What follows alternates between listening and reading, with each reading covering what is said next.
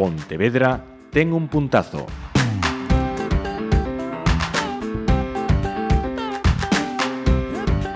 Comezamos este segundo Pontevedra ten un puntazo. Eh, ímolo facer hoxe mm, de forma introspectiva e es, bueno, ya me saldrá. De dentro a fuera e de fuera a dentro. Vamos Eh, por que digo isto? Porque están nos estudios de Pontevedra Viva Radio Iria Viñas e eh, Paula Salgueiro que son as xestoras, as traballadoras, coordinadoras. coordinadoras de Pontevedra ten un pontazo, as xestoras, promotoras, eh, dos, eh, do, dúas mozas que leváis adiante este proxecto que tamén chamase eh, Elefantes de Cacharrería. Uh -huh. Co cal, imos falar de elefantes eh, de cacharrería e imos falar de, de Pontevedra ten un, ten un puntazo. Eh, no primeiro programa, Anabel Gulía sinalaba que eh, cando chegaran a Concellería de, de Pontevedra eh, xa había eh, no 2015 un número de empresas eh, innovadoras importante e que nese momento o que deciden é eh, crear, facer eh, sinerxias eh, e que todas estas eh, empresas eh, teñan eh, puntos de contacto. Aí creo, explicarme por favor, que é onde comezades o vosotras a traballar, non? Eh, sí, bueno, nos comezamos a traballar cando xa Anabel, eh, bueno, un pouco tamén Anxo Ribeiro, eh, tiñan un pouco definido que querían facer un programa que aglutinase estas empresas innovadoras e creativas da, da cidade, non? Porque vían que realmente Pontevedra ten un potencial creativo importante, onde hai empresas que teñen unha relevancia a nivel internacional potente e que son moi coñecidas que están aquí na cidade que ás veces non lle damos o valor eh, suficiente que, que deberíamos. Non? E que o sector creativo realmente é un sector que reporta uns beneficios uh -huh. eh, económicos importantes na cidade que tamén, bueno, como vemos da man da Concellaría de Promoción Económica, perdón, eh, pois trátase de, de, visu, de visibilizar eh, o potencial económico que ten este sector na cidade. Uh -huh. Entón, aí foi cando un pouco pois, empezamos xa a traballar eh, neste proxecto, que, que aparte no, nos encanta porque a nosa empresa tamén é, é deste sector e tamén Ajá. formamos parte do puntazo como, como empresa. E realmente creo que é un proxecto moi ilusionante porque te axuda tamén a coñecer ti a empresas que están ao teu, ao teu carón que non coñecías e coa que mm. podes traballar tamén, non? Que este é outro dos obxectivos do puntazo, que mm. coñecer que empresas temos aquí cerca, porque a mellor estamos traballando con un diseñador de fora porque descoñecemos que temos un diseñador, diseñadores aquí. na cidade, non? Entón, bueno, pois que tamén isto é unha das, das ideas do puntazo que nos coñezamos, que nos poñamos cara, que saibamos cales son os nosos proxectos e que incluso pues, se podan facer alianzas estratégicas empresariais uh -huh. para o desenvolvemento de proxectos comuns. Uh eh, -huh. Eh, estamos a falar de, de empresas eh, innovadoras, pero hai un número importante de, de creatividade, aunque non só so son do eido cultural e creativo, ¿no? Outro día, Anabel, falaba de, de, de sectores moi moi diferentes. Temos sempre atende o diseño de moda, como pode ser Antonietas, pasando polo diseño de interiores, como pode ser Peza, ata empresas do diseño industrial, como pode ser Fruto de S, ou incluso que aportan unha nova visión de, do trato a terceiridade, como pode ser Saraiva. Uh -huh. eh, como é o traballo de, de toma de contacto entre todos eles? Eh, a ver, eh, tendo en conta que levamos este programa está nacendo, claro, uh -huh. levamos un ano que é un ano así un pouco de, de testeo, digamos, non? Entón, eh, hai varias formas de contacto. A primeira delas foi establecer pois, unha reunión para explicar todo o que era o proxecto, en que consistía, e facer unha reunión de todas as empresas que estaban interesadas ou que xa habían os que xa dixeran que querían estar no, no formar parte deste do puntazo, non? Uh -huh. Entón, bueno, pois hubo así un par de reunións para ver como enfocábamos o proxecto, porque se trata tamén de que as empresas poidan aportar o proxecto. É dicir, non é un proxecto que xa está elaborado, isto vai ser así, senón que as empresas que formamos parte somos axentes activos do desenvolvemento do proxecto. Non? Ajá. Entón, esa é unha forma de toma de contacto. Outra forma é a través de presentacións que se fan mensualmente, bueno, que durante o ano 2016 se fixeron eh, mensualmente de empresas, para que os demais as podamos coñecer, non só os que formamos parte do Puntazo, senón a cidadanía en xeral. Uh -huh. Entón aí, pois, bueno, hubo, creo que como 12, 10, uh -huh. 12 presentacións, dende novembro de 2015 ata, ata agora. Non? E despois tamén fomos por primeira vez ao Culturgal todos xuntos, no sí. 2015 tamén hubo como unha especie de programa para testear o propio traballo entre as diferentes empresas, como traballarían conxuntamente. Eh, fixemos tamén unha speed dating, Sí, se van, vanse facendo numerosas act diferentes actividades, entre elas tamén actividades formativas ao longo do 2016 que contribúen, por un lado, a formar aquelas empresas que son, digamos, de recente creación e que ao mellor pois, necesitan un apoio eh, máis grande no, no desenvolvemento empresarial. Eh, e despois tamén hai formacións pois xa que están pensadas para un pouco o conxunto da, uh -huh bueno, do, da totalidade das empresas que, que teñen un puntazo, que son do, que son do puntazo. Pero como xa dixemos, isto foi un testeo, entón este ano vai haber unha volta a tortilla. Uh -huh. vai ser claro. facer dunha maneira totalmente distinta. Eh, podemos adiantar algo ou iso Estamos aí porque que... se, pre se presentará próximamente en febreiro. Agardamos. Estamos traballando. Pero é certo que despois de facer pois un ano de, bueno, de deste de proxecto hai cousas que funcionan mellor, outras que funcionan un poquinho menos mellor. Uh -huh. e entonces pois uh -huh. pois se vai aprendendo, se vai desenvolvendo. Tamén a idea que se o pro, se o proxecto eh, ten empresas creativas, terá que buscar solucións creativas cada ano para que isto non se estanque, non? Uh -huh. E vayamos medrando todos en conxunto. Uh -huh. Entón, bueno, pois pues, sí, estamos traballando nunhas novas liñas de, de traballo, que inda que van manter esa esencia que do puntazo uh -huh. de presentacións, de formación e demais, pois pues, se vai intentar facer de outros modos diferentes. Ajá. Eh, aqueles que, que aínda no, no estén dentro do, do puntazo e que escoiten isto eh, e queran tomar parte, que canles hai para, para unirse á, á iniciativa? Ben, eh, hai, hai, varias, hai varias canles, ben se poden dirixir directamente á Concellería de Promoción Económica e solicitar información do, do programa, de feito na páxina web de Conceller, da Concellería de Promoción Económica e Información do Puntazo de como contactar.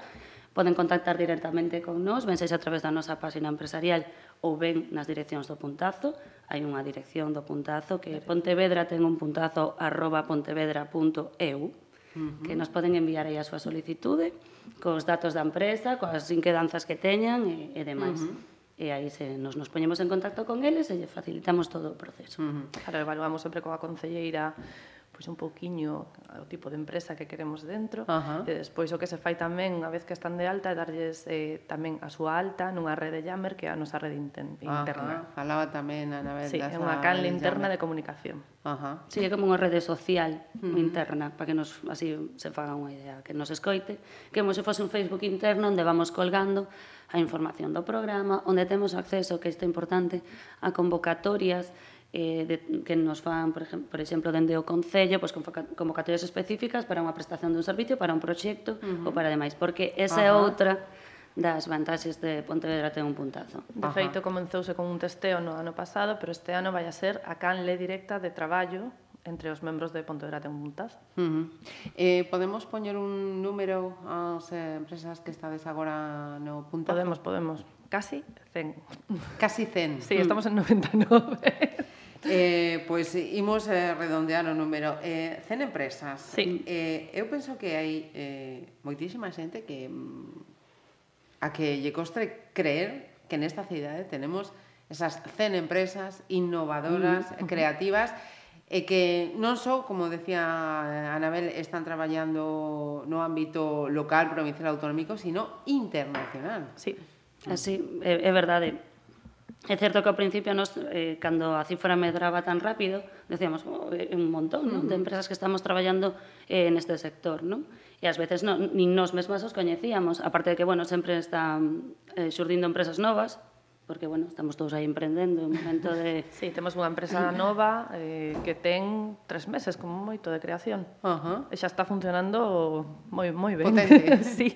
En o que te referías, non? A que ás veces sí que descoñecemos o, o potencial ou as empresas que están desenvolvendo a súa actividade na cidade. Pois falamos, por exemplo, de empresas que teñen relevancia a nivel internacional, pois como pode ser Calandraca, ou Coeditora, ou a nivel nacional estamos falando, por exemplo, pois que si Rei Centolo, o sea, empresas que teñen un peso importante que forman parte disto. Despois hai empresas que non son directamente como estas, que son máis do sector puramente cultural e creativo, pero hai empresas que están dando novas solucións, como é o caso, por exemplo, de Cubitia, que é unha empresa que eu mesma descoñecía, uh -huh. que é unha empresa que, que de inversións sí. en bolsa, uh -huh que, bueno, que está aquí na cidade que realmente eh, está traballando nos principais mercados financeiros do mundo. Casi nada. Pero sempre todas cun aire innovador nas súas uh -huh. propostas. Uh -huh. Sempre. Sí, sí. Basanse todas eso, nunha innovación. Uh -huh. Non é a mellor... E eh, tamén, como como vos falábamos antes, pois eh, seguindo esta liña e empresas como pois Fruto de ese que que o nombrou antes a miña compañeira Iria, que son unha empresa de deseño industrial que teñen un premio a nivel internacional, quero dicir, que ao final hai moitísimas empresas traballando e que ao mellor cando traballamos aisladas non somos coñecedoras de todo uh -huh. ese potencial, pero que se nos unimos todos nun mesmo espacio, imos ter máis forza e máis visibilidade, non? E diso tamén é o onde parte o, mm. o puntazo, non? A filosofía do, do proxecto. Eh, con permiso, falamos ¿Sí? eh, tamén de, de vosotras, de elefantes de, de cacharrería. Eh, como eh, e cando surdiu esta, esta surdiu idea? Surdiu no peor momento que se que poidese surdir, que foi en medio da crise. Casi nada, ou sí. seja, eh, sí, bueno, eh, valentes aquí... Non quedou outra, creo, máis ben, pero bueno, eh, creo que, bueno, sí, surdiu nun ano moi complicado en que as dúas, pois, por diferentes situacións nos atopamos eh, pois, desempregadas, E entón, pois, como somos unhas persoas inquietas, eh, non sabemos estar paradas, pois decidimos buscar unha solución a ver que facíamos e tal. Entón, pois, vendo un pouco as nosas trayectorias profesionais, eh, bueno, viño máis do mundo da comunicación, iría a viña de ferias internacionais, e demais, pois vimos que esta era unha liña que nos gustaba, parte da organización de eventos e, e de proxectos, non? Entón, xamos, bueno, pois mira, ímolo probar, porque total, estamos na casa, non temos nada máis que facer, pois nos imos lanzar, non? Isto xa foi fai case tres anos, Así que, bueno, non, non debeu ser casi 4, me, din, 4, 4, 4. me apuntan por aquí. Mm, sí, 4. eh, bueno, pois non nos podemos queixar, quer decir, uh -huh. eh, é duro ás veces, eh, bueno. Como aquel tipo de emprendimento fixemos un testeo, ese testeo era con 4 socios, fracasamos estrepitosamente e ao final quedámonos nulas dúas e uh -huh. de momento pois aí estamos, uh -huh. que xa é moito nestes tempos. É, é moitísimo, penso, penso eu.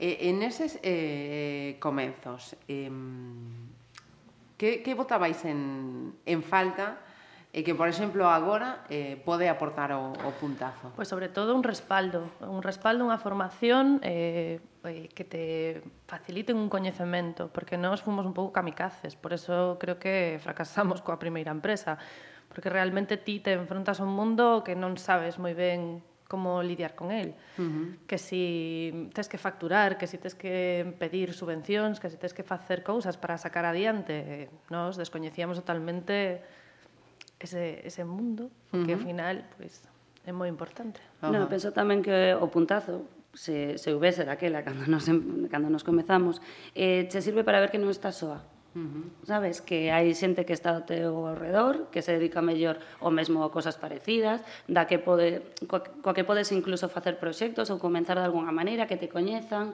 que saben que estás aí, non? Porque uh -huh. cando comezas e non coñeces a nadie, é un pouco uh, que fago aquí, non? Por eso, bueno, nos tamén buscas ao final xente que está comezando como a ti, que te pode acompañar neste proceso, non? E de feito, hai moitas empresas que comenzaron con nós uh -huh. e que, bueno, aí estamos todas, que, sí. que, uh -huh. que temos crecido da man prácticamente, non? Entón, bueno, pero sí que votamos en falta en esos inicios como saber de qué iba o rollo. Ajá. Sabes que como ese respaldo sí. e ese asesoramento, non? Sí, sí. pero mm. para eso tamén cando foi o primeiro fallido, metimos no coworking tamén para rodearnos un pouquiño de xente Ajá. que estivese na, na mesma situación e tamén foi unha maneira de axudarnos. Uh -huh. Claro, de ver que eso, que a xente está pasando polo mesmo proceso que a ti, non? Porque ás veces estás só dis, pero estarei non facendo ben, serei a única que teño estes problemas, uh -huh. ai, como fago para presentar aumenta eu que sei, o IVA, unha factura, unos, todo este uh -huh. tipo de cousas que ao final son o día das empresas. non? Sí, sí. Eh, e bueno, pois pues, sí, eu penso que tamén buscar esa xente que estaba emprendendo, que estaba na mesma situación é un apoio bastante importante. importante e a formación, que non somos dúas formiguiñas que estamos formándonos en cousas novas todo o día, porque así tes maior pois, capacidade para desenrolar o teu traballo e chegar a outros sectores. Ajá. Uh -huh.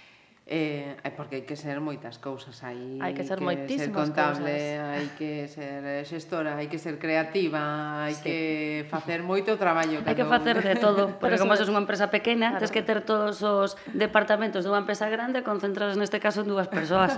Pero sobre todo hai que ser un pouquiño consciente de que non podes eh, tirarte a, a facer un traballo mm, que descoñeces, por iso uh -huh. estamos en continua formación tamén. Uh -huh. Segundo a demanda do, do público. Do público. Formación. Sí, moito, é moi importante. Uh -huh.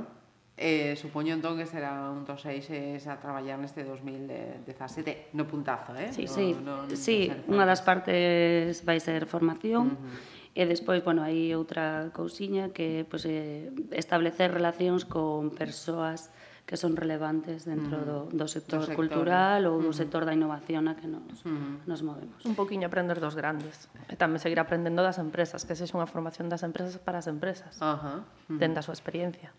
Eh, no vos o caso de, de elefantes de cacharrería, non sei se si, si había moita competencia en Pontevedra, se de repente eh, chegáis a unha actividade no que pouco pioneiras, a ver, a ver que... Nos chegamos a actividade, sobre todo, unha parte da nosa empresa dedicase ao mundo das bodas, do sector nupcial e das comuniones e das festas privadas, pero tamén temos unha parte enorme que se dedica pues, a, a, máis a cultura, a desenrolo de programas culturais, etcétera.